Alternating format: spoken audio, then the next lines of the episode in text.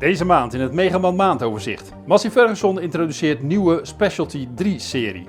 Klaas stopt met bouw, oprap en silagewagens. En H2L selectierobot bespuit zieke tulpen.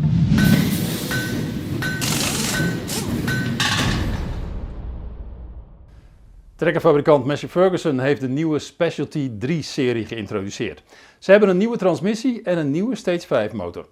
De serie bestaat uit vijf modellen met vermogens van 55 tot 88 kW.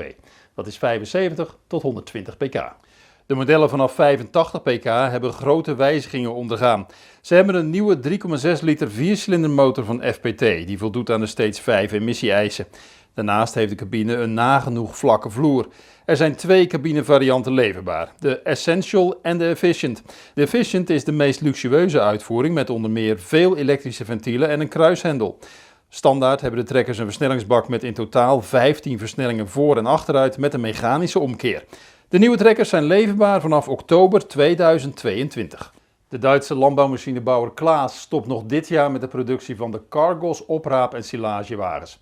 De fabriek in het Duitse Bad Salgau, waar de fabrikant alle hooibouwmachines bouwt, gaat op de schop. Klaas investeert de komende jaren ongeveer 40 miljoen euro in de fabriek in het Zuid-Duitse Bad Salgau.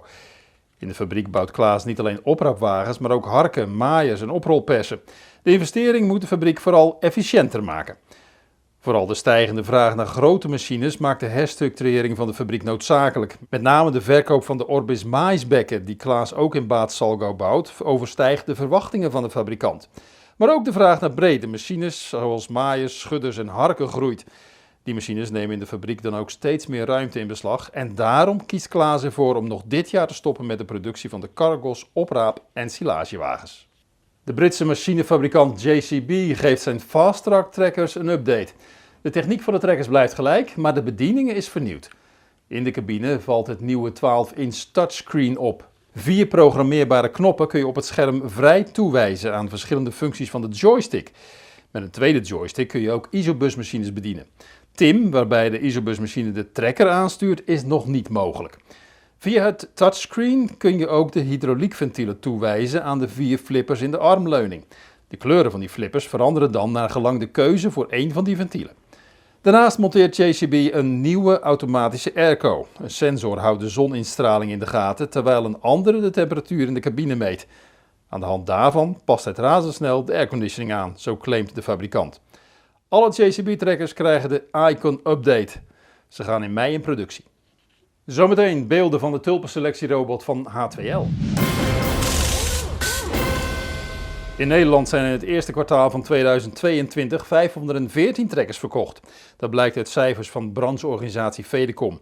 De trekkerverkoop loopt iets achter op vorig jaar, toen er in de eerste drie maanden 527 trekkers werden verkocht.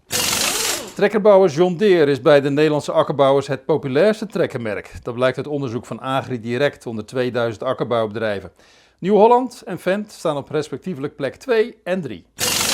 Stiel bouwt een nieuw centraal magazijn in het Duitse Vulklingen. Het gebouw krijgt een oppervlakte van 58.000 vierkante meter. Het magazijn wordt 1 januari 2023 volledig in gebruik genomen.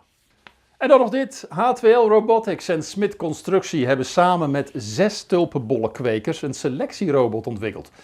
De robot spoort met camera's het tulpenmozaïekvirus op en spuit de besmette plant dood.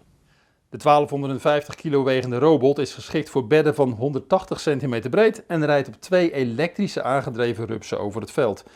Een benzineaggregaat wekt de stroom op. Onder de witte kunststofkap verlichten 15 grote LED-armaturen het tulpenbed. En bij een rijsnelheid van 1 km per uur maken camera's 10 tot 20 foto's van elke tulp. Computer analyseert elke foto en spoort zo zieke planten op. Een naald spuit vervolgens 0,2 ml middel op die planten.